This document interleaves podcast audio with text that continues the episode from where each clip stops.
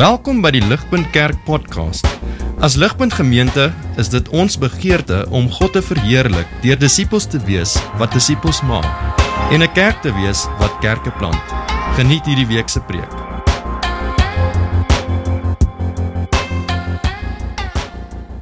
Vriende, ek dink as daar as daar een woord is daar buite wat ehm um, baie goed ons hedendaagse moderne kultuur opsom, dan dink ek is dit die woord consumerism. OK? En ehm um, daai term natuurlik verwys na ons lewe in 'n in 'n in 'n in 'n hedendaagse wêreld wat totaal en al ons in die tegniese sin van die woord is ons verbruikers. Nou die mens was nog altyd verbruiker geweest as jy daar dink. Van dit die mense het nog altyd goedere en selfs dienste gebruik. Jy weet ons kort kos en jy kort klere en jy kort beskutting en ons selfs lekker dinge in die lewe wat die mens nog altyd nodig gehad het en graag wou gehad het. Dit is in die gewone sin van die woord, maar tegnies gesproke veral na die industriële revolusie, veral na die Tweede Wêreldoorlog, soos wat kapitalisme regtig ernstig begin lyf kry het, het die slimkoppe daar buite agtergekom dat hierdie kapitalistiese stelsel, hierdie masjien uh, vir hom om nie net te bly funksioneer nie, maar om regtig groter te word en beter te word en vooruitgang te hê, het jy nie net nodig dat mense moet dinge verbruik nie, maar jy het eintlik nodig om mense toenemend aan te spoor om meer en meer te verbruik. Jy moet hierdie masjien moet jy aanhou, jy moet hierdie monster aanhou kos gee. En dit is die wêreld waarin ek en jy woon. Kyk gou vinnig saam met my op die skerm. Ehm um, 'n comment wat 'n ou gemaak het. Hy's 'n hy was 'n bekende besigheidsanalis back in the day gewees. Sy naam is Victor Leebou in 1955. So dis 'n is 'n rukkie terug, okay? Hoor wat het Victor Leebou gesê? Hy sê our enormously productive economy demands that we make consumption our way of life. That we convert the buying and the use of goods into rituals that we seek our spiritual satisfaction, our ego satisfaction in consumption. We need things consumed. We need things to be burnt up, replaced and discarded at an ever accelerating rate. En vriende, as dit waar was in 1955. Hoeveel te meer is dit nie waar in 2022 nie. Hier is my punt. Dit is die wêreld, vriende, waarin ek en jy onsself bevind. Dit is die water waarin elkeen van ons swem. Ek en jy word meer gevorm, ons is meer geslyp deur hierdie verbruikers consumeristic mentaliteit. As wat ek en jy op die beste van tye besef en as wat ek en jy krediet gee. Inderdaad, elkeen van ons is so gekondisioneer om hierdie consumer mentaliteit te hê dat ek dink ons besef nie eers nie dit is hoe ons alles in die lewe benader. Ek en jy het nie net daai consumer mentaliteit wanneer ons na die restaurant toe gaan nie, selfs in ons verhoudings met mekaar. Ons lewe as moderne mense in verhouding, selfs as jy dink oor jou vriendskappe, selfs 'n huwelik, waar die fundamentele burden wat ons het is deur consumerism gevorm, is heeltyd oor die maar wat kry ek uit hierdie deal uit? En en dit is die manier wat as jy kinders op skool het, Is dit hoe ons oor ons skole dink? Hulle is service providers vir ons, die hospitale so. Dit is oor ons oor ons regering dink. Is dat ons is die kliënte en die regering is daar om dienste aan ons te verskaf. En hier's die ding vriende. Ek dink ons doen dit ook met die kerk. As ons moet eerlik wees, bring ons daai selfde verbruikersmentaliteit ook na kerk toe. Soos ons na 'n kerk toe kom en ons betree daardie kerk. Wat ons doen is ons beoordeel dit. Jy kom by die kerk aan, dalk is dit jy vanoggend hier, eerste Sondag en wat jy doen is jy kyk uit is hierdie koffie alright. Jy weet, het iemand my gegroet? Is die kinderbediening exciting? Is die kwaliteit van die musiek redelik goed? Het die prediker met my gepraat daar waar ek is vandag? Ehm um, is hierdie my tipe van mense en as enige van daai vrae nie beantwoord nie, wat ons dan doen is, wil jy Jy gaan net af in die straat na die op die volgende hoek waar is nog 'n kerk en dan gaan kyk jy of daai dalk die kerk is vir jou vriende. Dit is hoe ons is. Ons is verbruikers selfs wanneer dit kom by die kerk. En hoor asseblief tog mooi vanoggend. Vriende, so 'n mentaliteit is dodelik vir Christendom. Dit is dodelik om as 'n gemeente saam te funksioneer. Bybelse Christendom is ligjare verwyder van so 'n consumer mentaliteit. Ja, dit is so en ons gaan dit in vandag se gedeelte sien. Reg by die hart van die Christelike geloof, fundamenteel is daar hierdie amazing waarhede er waarhede oor dit wat ons ontvang wanneer ons na God toe kom. Dit is so. Maar soos wat ons ontvang, sê Bybelse Christendom en Bybelse kerk, is ons ook 'n mense wat gee. En wat ons wil doen is ons wil nie dink oor kerk as 'n geestelike service provider nie. In steede van dit as die kerk 'n diensverskaffer is, wil ek en jy eerder oor kerk dink as 'n familie. Want 'n familie is ook 'n realiteit waar jy gedien word, maar dit is ook 'n realiteit waar jy bedien. En ek en jy wil nie oor onsself dink as verbruikers nie. Ons wil eerder oor onsself dink as versorgers. En dit is wat ons oor vandag saam wil gesels in daai gedeelte wat uh, vir ons gelees was in 1 Johannes 3 vers 16 tot 18. Okay, so dit is wat ons gaan doen.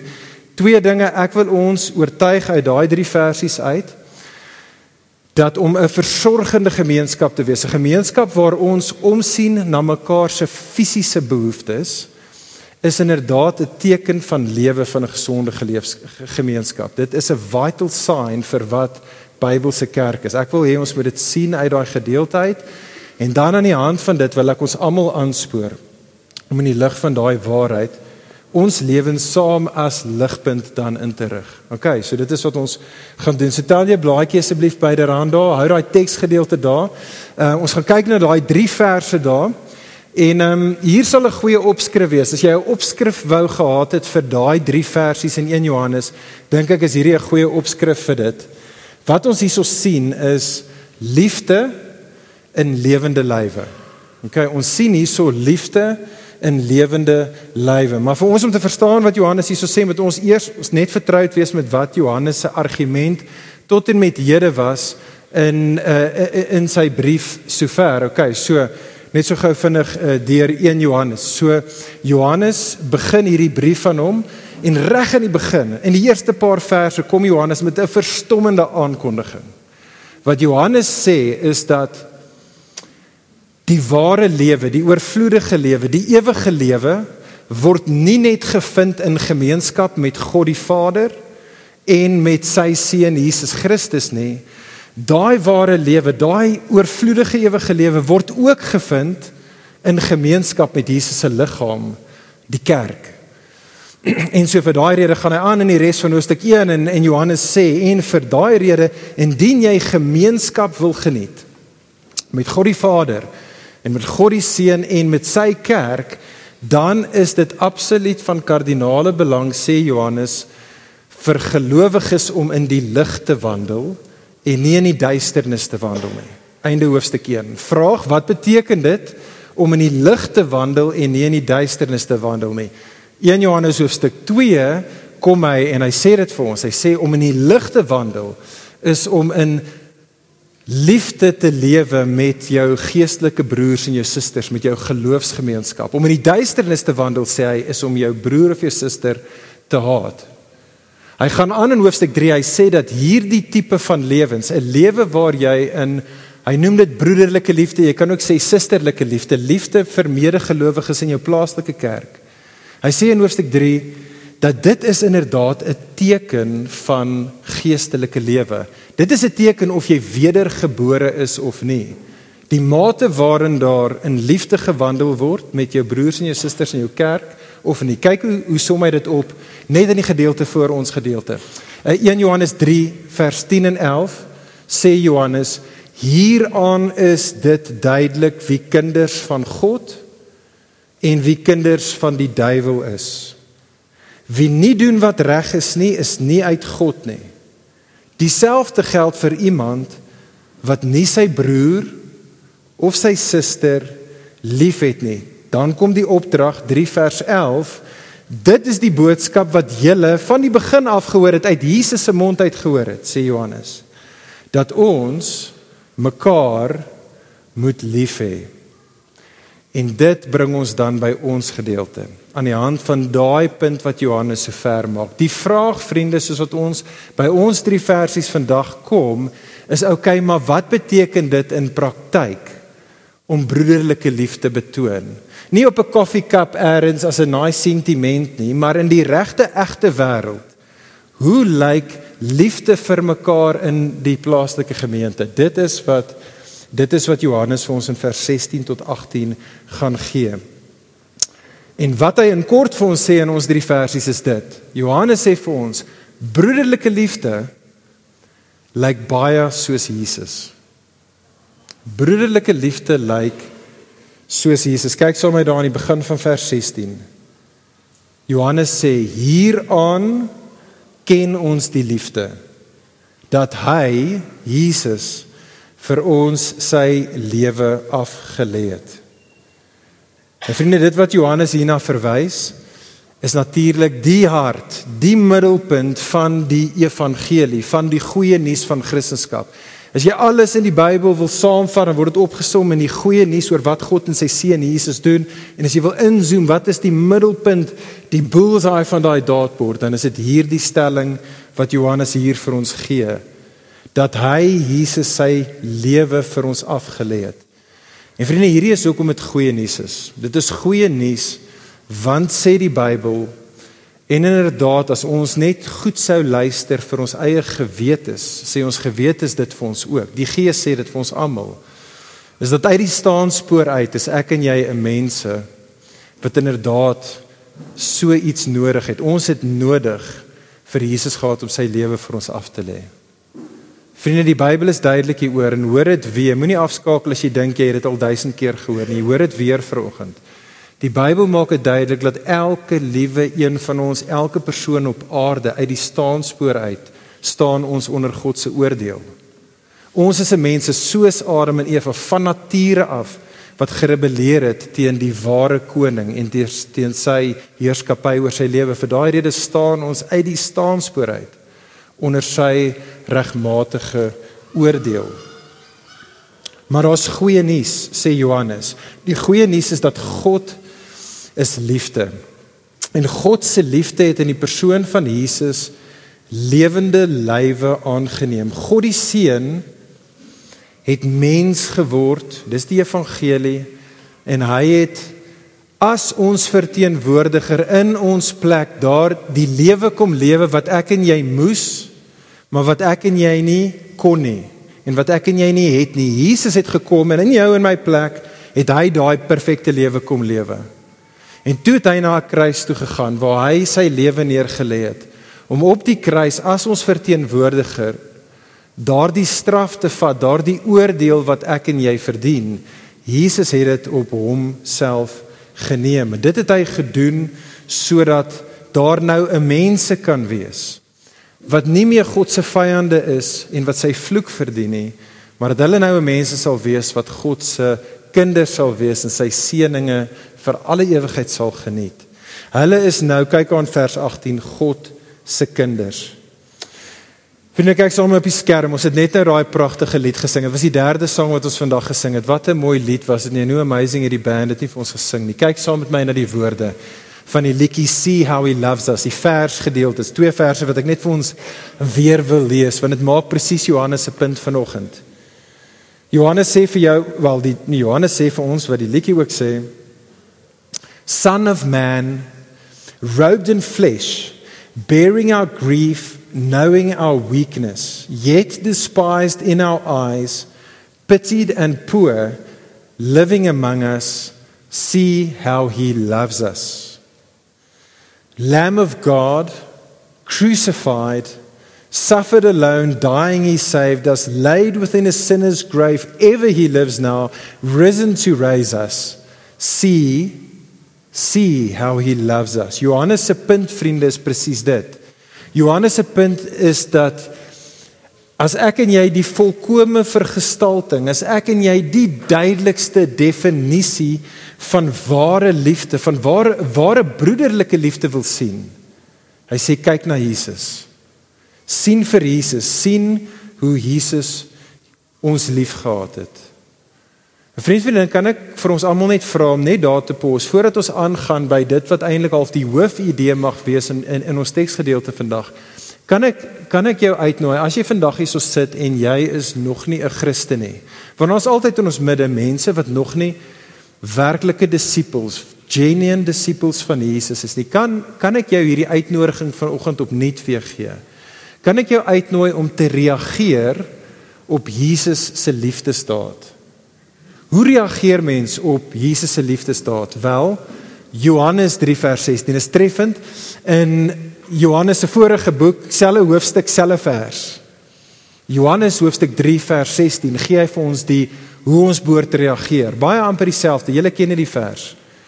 Want God het die wêreld so lief gehad dat hy sy seun gegee het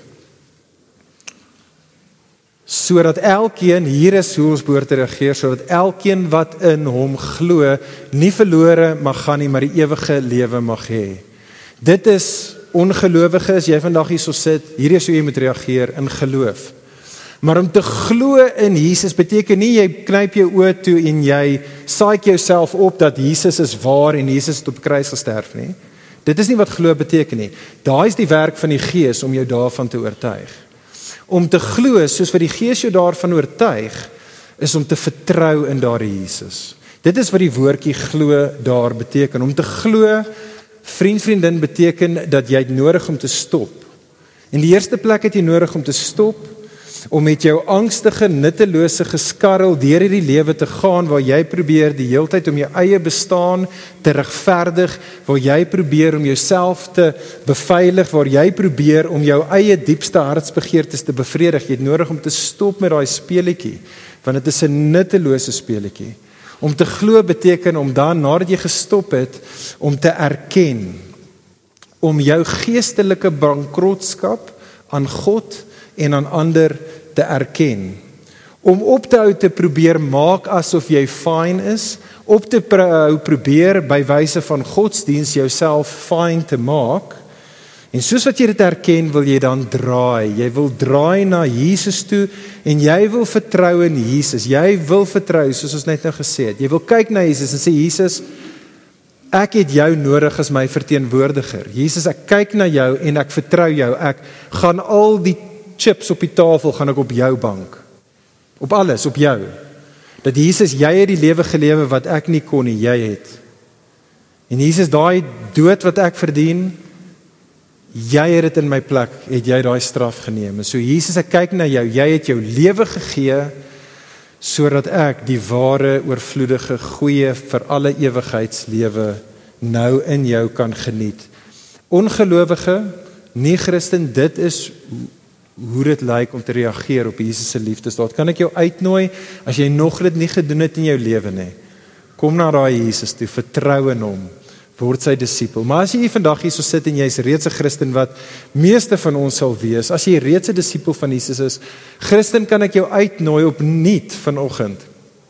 Kom ons reageer op Jesus se groot liefdesdaad deur te bly rus in wat Jesus aan die kruis vir ons gedoen het. Romeine 5 vers 8 tot 9 bekende woorde. Kom ek lees dit vir ons. Dit gaan nie op die skerm wees nie, maar maar luister mooi. Paulus sê vir ons in Romeine 5 vers 8: God bewys egter sy liefde vir ons juis daarin dat Christus vir ons gesterf het toe ons nog sondaars was.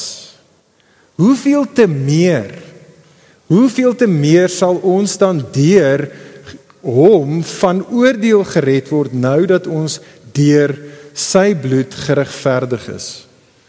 En so hoor dit Christen, soos wat jy hierso sit, glo dit. Glo dit asseblief, kom rus op net vandag. Soos jy hierso sit Christen, kom met al jou aanhoudende gebrokenheid, want ons is 'n gebroke mestap mense op die beste van tyd. Kom met al jou gebrokenheid en kom met al jou sondigheid as 'n Christen en kom rus weer eens in die wete dat jy is nie meer God se vyand nie. Jy's nou deel van God se familie. Dit het niks uit te waai met hoe jy perform nie. Dis waar omdat Jesus perform het. Jy is God se kind. Kom rus in die wete dat jy is 3 vers 18 daar. Jy is nou sy kind. Jy is vrygespreek. Jy geniet nou vrede met God en jy is nou veilig. Kom terug na dit toe, Christen en kom rus op net vandag in dit. En dan wat ons verder doen om te reageer op Jesus se liefdesdaad. Reageer dan Christen op dieselfde manier wat Jesus gereageer het deur ook liefde aan jou broers en aan jou susters te betoon. Ek het net gister toe lees ek 'n vinnige artikel wat um, in die New York Times was. Hulle het in die New York Times het hulle hierdie kolom wat hulle noem the ethicist. Uh the ethicist uh, en so hulle het een of ander, ek weet nie, een of ander guru en en dan skryf mense in met 'n uh, vraag wat hulle aan the ethicist vra, etiese vrae. Hulle hulle weet nie wat is die regte ding om 'n sekere ding te doen nie en so mense skryf in vir dit. En hierdie een ou het ingeskryf en gesê hy sit met 'n penarie want sy broer ehm um, het 'n uh, nieroorplanting nodig. Die probleem is dat sy broer is 'n horrible mens, sê hy in die artikel. Hy sê dat sy broer is 'n totale skerminkel. Sy hele lewe lank sê hierdie ou in die artikel, het sy broer hom geboelie.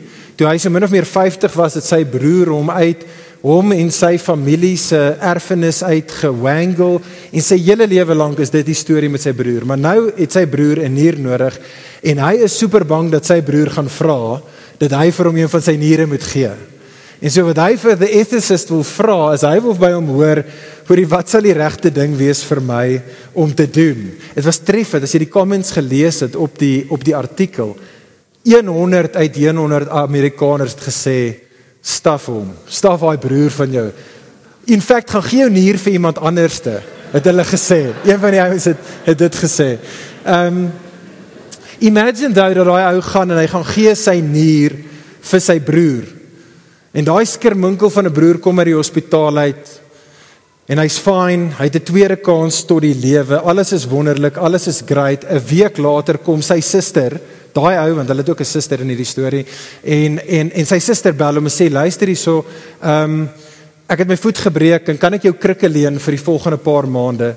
En die broer wat uit die hospitaal het gekom het second chance of life sê vir sy suster nee no ways kan kry jou eie krikke. Daai goeder kos nog ons baie geld.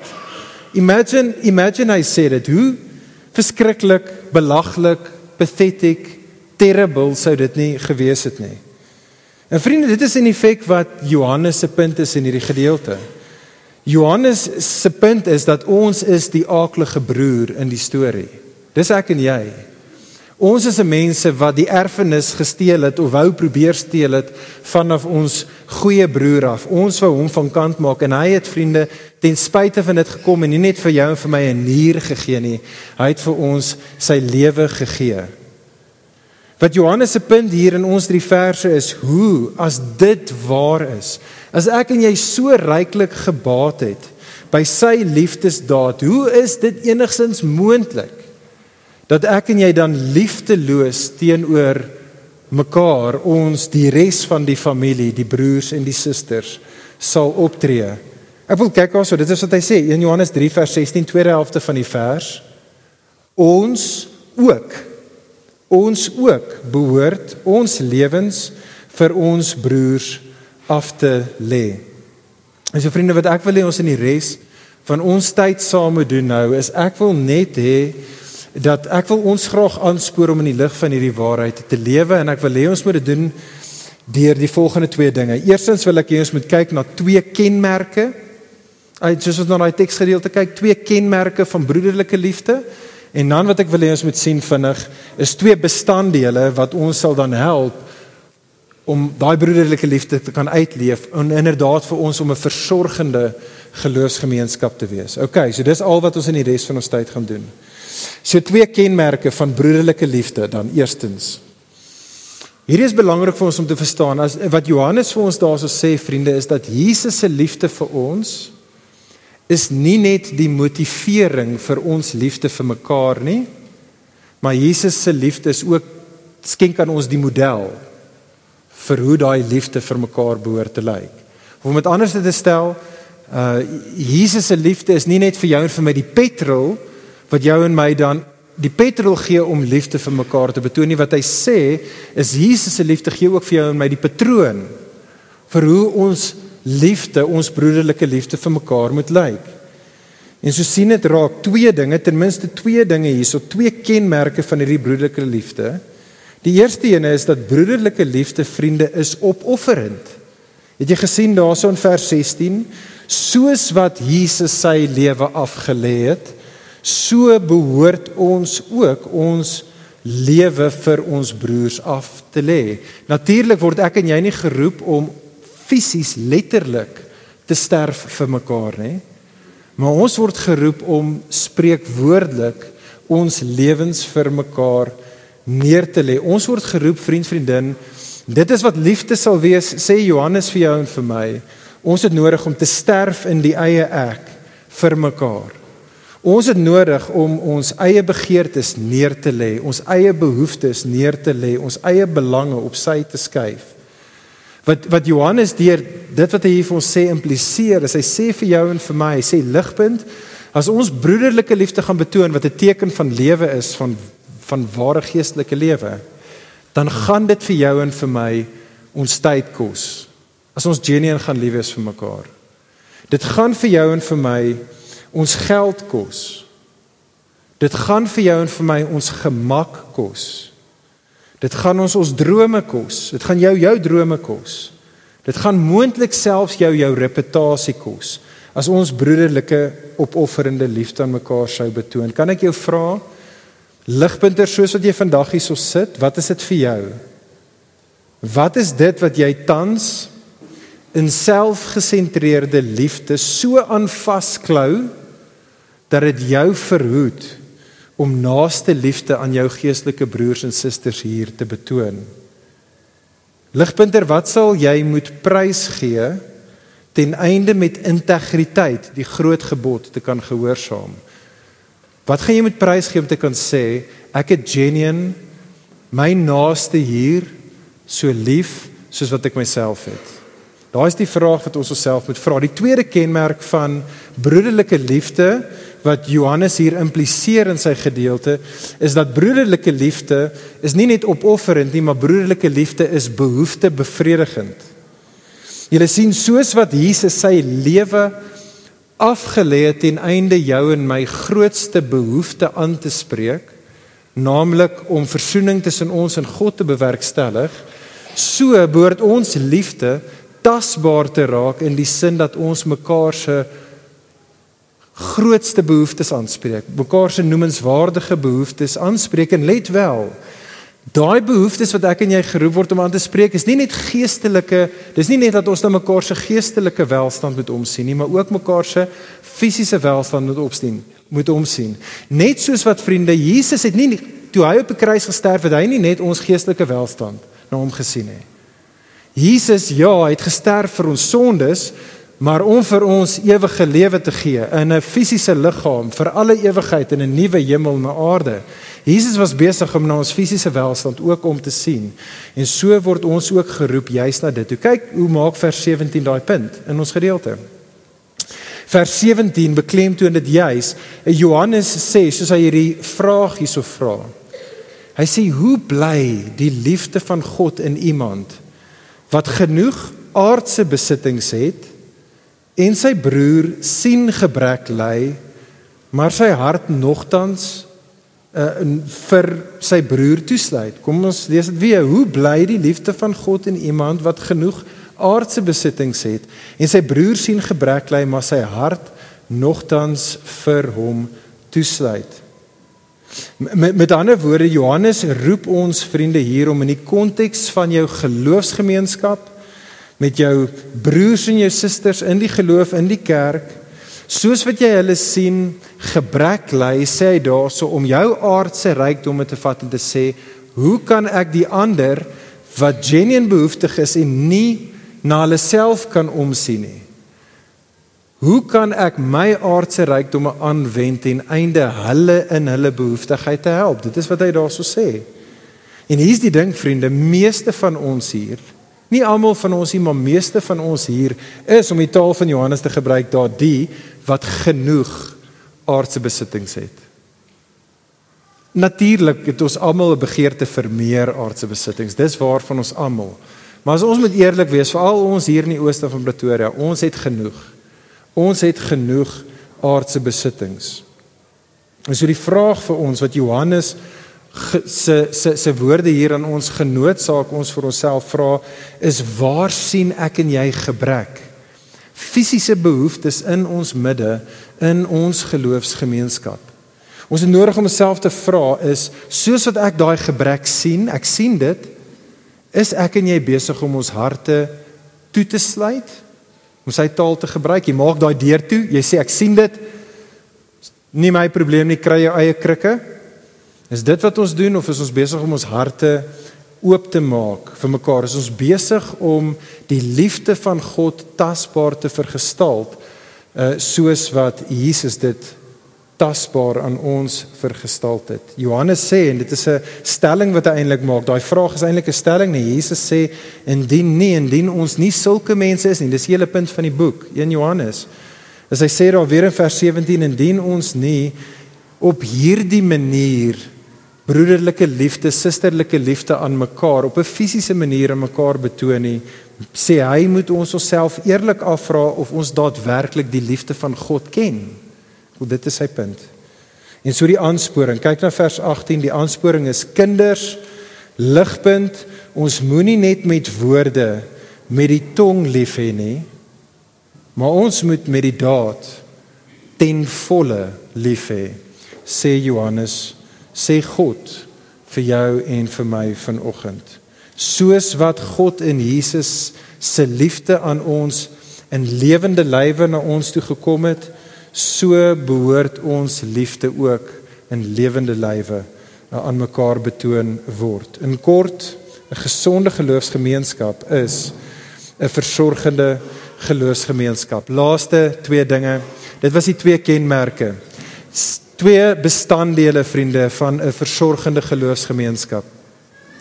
Twee bestanddele van 'n versorgende geloofsgemeenskap. Die eerste ding is twee plekke as dit waar of twee maniere waar ehm um, wat sal help dat versorging sal floreer in ons gemeenskap. Eerstens, vriende, versorging floreer binne in intieme, nabye verhoudings. OK, dis die eerste ding. Versorging floreer binne intieme, nabye verhoudings. Dit is treffend dat in by die ontstaan van die kerk in Handelinge 2, so Petrus het daai amazing preek gepreek.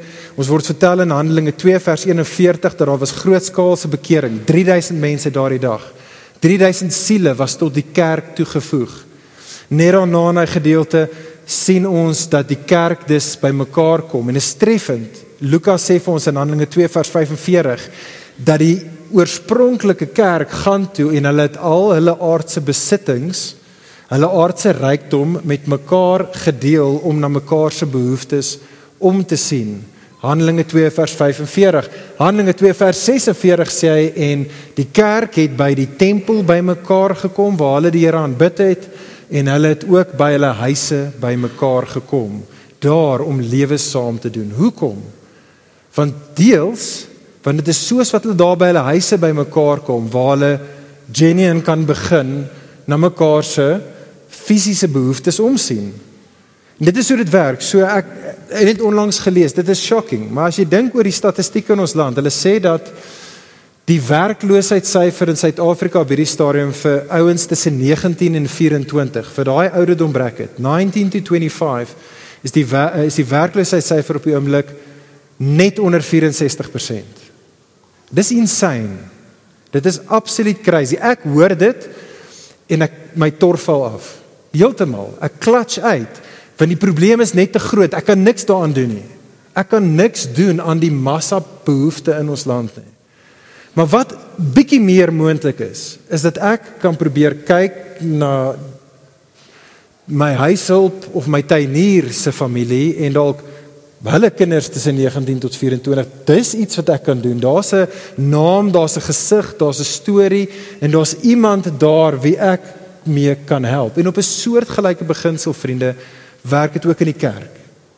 So selfs hier by ons is 'n relatiewe groot gemeente en daar's baie fisiese behoeftes by Ligpunt. Dis heeltemal te veel eintlik vir ons om alles aan te spreek. Eh, jy weet vir my om dit aan te spreek of vir jou om dit alles aan te spreek. Maar wat ek en jy kan doen is ons kan lewe doen saam met 'n paar ander gelowiges Ek en jy kan met 'n paar gesigte, 'n paar name in 'n ligpunt gesin konteks kan ek en jy daar kan ons mekaar ken en deur mekaar geken word en ons kan daar in daai groepie van 8 mense of 12 mense of 15 mense, daar kan ons mekaar se behoeftes op daai manier aanspreek. So kan ek jou aanspoor as jy vandag hier sit en jy kom al vir 'n wyle na ligpunt op Sondag, maar jy's nog nie in een van ons huisgroepe, ons ligpunt gesinne nie. Kan ek jou uitnooi, kom skakel in daar. As jy dalk in 'n ligpunt gesin was voor Covid en eers met Covid het jy so 'n bietjie uitgerafel, kan ek jou aanspoor, skakel weer in. Vriende, kom ons staan nader aan mekaar in verhoudings. En nie perfekte verhoudings nie, maar reël verhoudings. Kom ons leer mekaar opnuut weer ken. Kom ons laat toe dat jy werklik geken word deur ander.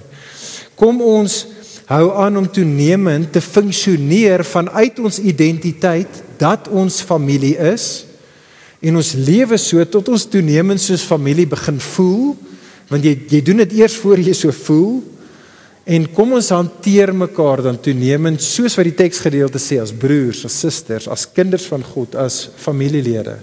'n Gemeenskap wat in liefde na mekaar omsien. En dit gaan gebeur in die konteks van ligpunt gesinne. Laaste laaste ding. Versorging floreer nie net binne intieme nabye verhoudings nie, maar versorging vriende floreer onder bekwame leierskap. En dit is waar ons eintlik hierdie reeks begin het.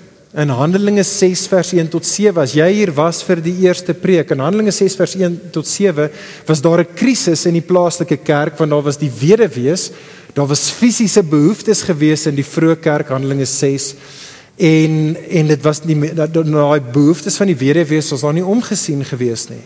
En toe het ons gesien in Handelinge 6 het die het die apostels gekom, die geestelike leiers gekom en hulle het gesê nee nee nee, God het ons geroep tot die bediening van die woord en tot gebed. En hulle wat die apostels was het daarop geprioritiseer. En hulle sê maar kom ons rig ander 'n ander groep geesvervulde bekwame geestelike leiers in ons midde op wat sal omsien na die fisiese behoeftes in die geloofsgemeenskap. En in daai gedeelte in Handelinge 6 het ons gesien hoe hulle toe gegaan het en hulle het so 'n groep aangestel Nou in die res van die Nuwe Testament, vriende, sien ons dat daai is as dit ware die begin van 'n 'n amp wat ons in die Nuwe Testament sien wat genoem word diakens. En dit is wat diakens eintlik is Bybels volgens die Nuwe Testament. Dit is 'n groep geesvervulde, bekwame uh leiers binne in 'n kerk wat se werk is om die res van ons te help om ons te help om seker te maak dat ons almal saam omsien na die fisiese behoeftes in ons midde. So hulle is daar om in 'n mate daai behoeftes te help koördineer en ons te mobiliseer. Hulle doen nie die werk namens ons nie. Hulle is leiers wat ons lei en ons aanspoor en mobiliseer sodat ons veral in die konteks van ons ligpunt gesinne na mekaar se behoeftes sal omsien. En ons is juis op daardie punt nou. Ons as die ouderlinge by Ligpunt het toenemend oor die laaste paar jaar tot die oortuiging gekom dat ons het nodig om diakens aan te stel in Ligpunt. En en so ons is in daardie proses op hierdie stadium juis om dit te doen. En so Ligpunt kan ek dis elkeen van ons aanspoor om hierso saam te trek soos wat ons nou in die volgende hopelik maand of 2 gaan diakens aanstel by Ligpunt. Hierdie is wat jy kan doen. Die eerste ding is ons het 'n klomp dokumentasie geskryf oor wat sê die Bybel is 'n diaken, wat doen 'n diaken, hoe moet 'n diaken wees en en en en. En ons gaan daai dokumentasie vir julle almal wat ligpunters is nog eider vandag of 10:10 in môre gaan jy dit op die WhatsApp groep kry. Kan ek jou aanspoor vat daardie inligting oor wat 'n diaken is, gaan lees daai dokumente bidend, bid daaroor En as jy enige vrae het of enige voorstelle het met betrekking tot hierdie amp van diakens in die plaaslike kerk, kom praat met my, kom praat met die ander ouderlinge daaroor. Die tweede ding is dat ons is besig om 'n kort lys tans op te stel van kandidate wie ons dink beide mans en vrouens wat ons kan help in die gemeente om om te sien na daardie fisiese behoeftes in ons midde. En kan ek asseblief tog uitnooi op dit? Ons het daai kort tyd as ons mee besig Uh, ons is nog besig om 'n paar ander mense te probeer innooi tot so span toe. Dan wat ons gaan doen, ons gaan hier by Ligpunt een Sondag as ons die kortlys van name het, sal ons dit aankondig en sê hier is die voorgestelde diakens van Ligpunt en dan gaan ons as 'n gemeente kans kry vir so 1 of 2 weke om ons insette te lewer en te sê, weet jy wat, ek dink nie daardie persoon behoort op die diakens te wees nie. En dan sê hulle dit vir ons, ons sal een of ander rede kry en ons sal vir hulle sê sorry. Ehm um, julle kan nie op die diakenspan wees nie, maar dit is in daai mate iets wat ons wil hê die hele gemeente saam oor moet insette oplewer. En dan sal ons 'n Sondag of twee daarna kom, ons sal hande op daardie diakens lê en ons as 'n gemeente gaan as dit ware gesag aan hulle gee en sê, "Sal julle ons as 'n gemeente help sodat ons beter broederlike en susterlike liefde kan uitleef hier by Ligpunt. Sal julle ons lei, sal julle ons aanspoor, mobiliseer en koördineer tot dit toe. En dan derdens, ligpunt soos wat ons klaar maak, kan ek vir jou vra, kan jy vir ons bid oor dit? Bid vir ons as ouderlinge. Hier is 'n nuwe inisiatief wat ons in die lewe van ligpunt probeer inwerk. Bid vir die ouderlinge, bid vir daardie kandidaate sodra ons die name reg het. Kan ek vir jou vra om te bid vir jou eie hart en vir ons almal se harte dat ons hierdie diakens inderdaad sal sal met vreugde en ondersteuning sal volg soos wat ons vorentoe gaan. En so ek sluit af. Ek sluit af. Vriende, daai woorde van daai besigheidsanalis in die begin, daai Victor Lebow wat hy in 1955 gespreek het, het hy gesê net dat die ekonomie vereis het hy gesê dat ons ons spiritual satisfaction in consumption najaag. Maar ligpunt ons weet beter. As kinders van God weet ek en jy beter dat spiritual satisfaction kan nie deur staf in hierdie wêreld ooit bevredig word nie. Spiritual satisfaction kan net in Jesus gevind word. In Jesus wat homself gegee het vir ons. Jesus wat ons roep om onsself te gee vir mekaar. Dit is daardie Jesus wat vir ons gesê het Dit is meer geseend om te gee as wat dit is om te ontvang. Kom ons vat Jesus op sy woord. Kom ons glo Jesus as hy dit sê. Vriende, kom ons bid saam. Ja, Hemelse Vader, ons loof en ons prys U ook vir hierdie woord van Johannes af aan ons vanoggend. Here, wat ons wil aanspoor om in broederlike liefde met mekaar te wandel in liefde met ons geestelike geestelike familie te wandel.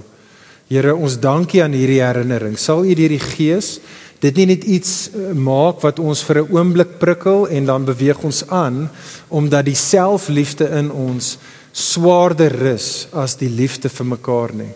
Here, vir dit om te gebeur vir opofferende behoefte bevredigende liefde om te realiseer Here moet U deur die Gees 'n bonatuurlike werk in ons doen. Sal U daai werk doen?